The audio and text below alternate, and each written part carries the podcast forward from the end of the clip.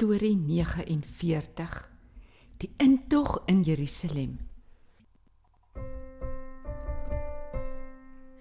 Kom luister na die storie se les almal waar.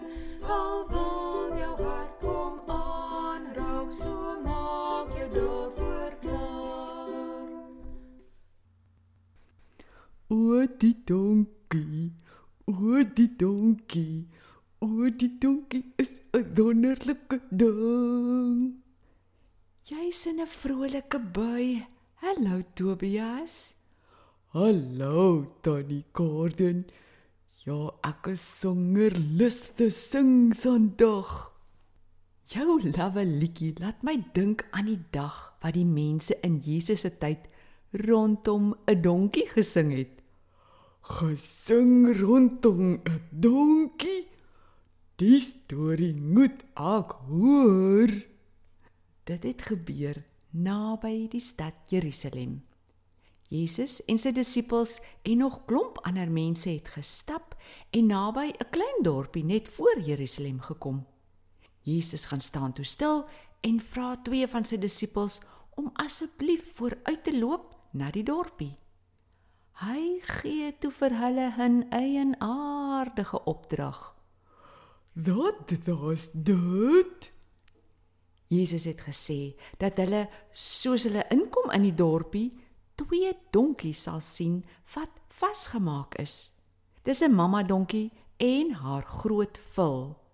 Hulle moes die donkies losmaak en vir Jesus bring. En as die mense vra, "Hoi, hoekom maak julle die donkies los?"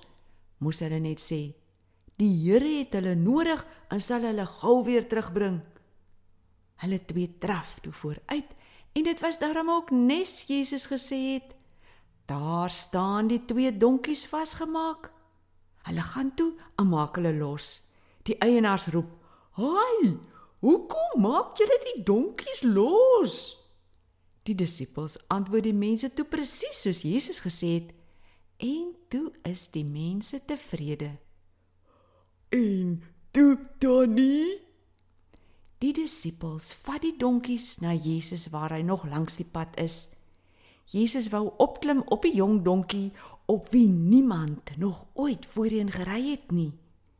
Die disippels hou hom vas dat hy moet stil staan en terwyl hulle so vashou, kom daar mense en sit hulle klere op die donkie sodat Jesus bo op die klere kan sit. Jesus kry toe sy sit lekker op die donkie. Die mamma donkie het seker maar so saamgeloop. Toe die mense sien Jesus mik in die rigting van Jerusalem, begin hulle dink.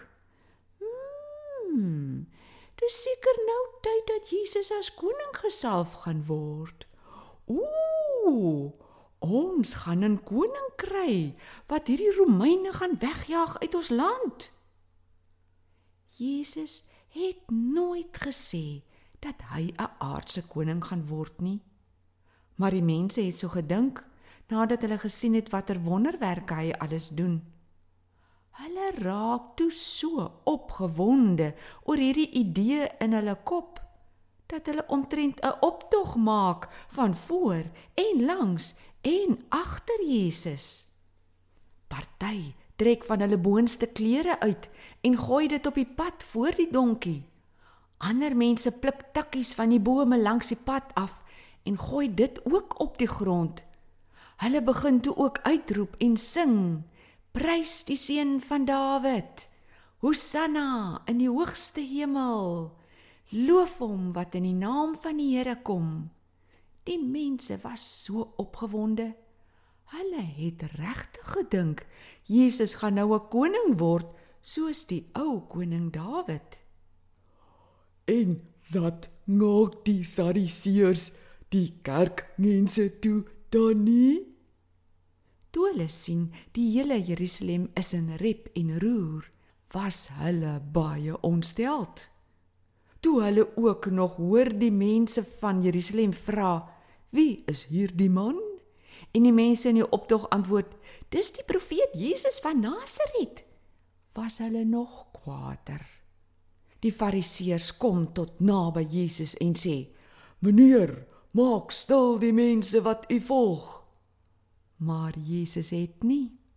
Hy het eerder gesê: As hulle stil bly, sal die klippe uitroep en God eer. En daar loop die donkie en sy ruiter net aan die stad in met die mense wat spring en juig. Sjoe, Tony. Dis 'n lekker donkie storie. Tobias, hierdie donkie storie is baie jare voor daai dag voorspel deur 'n profeet met die naam Sagaria. Hy het geskryf: Sê vir Jerusalem: Kyk, jou koning kom na jou toe. Hy's nederig en hy ry op 'n jong donkie. Hierdie woorde moes die mense laat besef Jesus is nie 'n aardse koning nie, maar 'n ewige hemelse koning wat hulle nie van die Romeine nie, maar van hulle sonde wil verlos. Tony, nou is ek sonder nog meer lus te sing. Hosanna, Hosanna, Jesus is ons koning.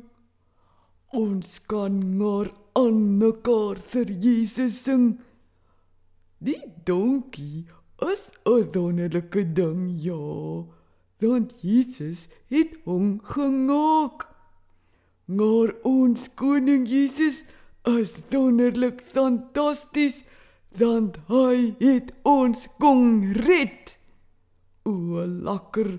Ek gaan nou sonder verder vir Jesus sing. Tot sins Tony. Tobias, Jesus is ons wonderlike redder en koning. Lekker sing. sien jou weer.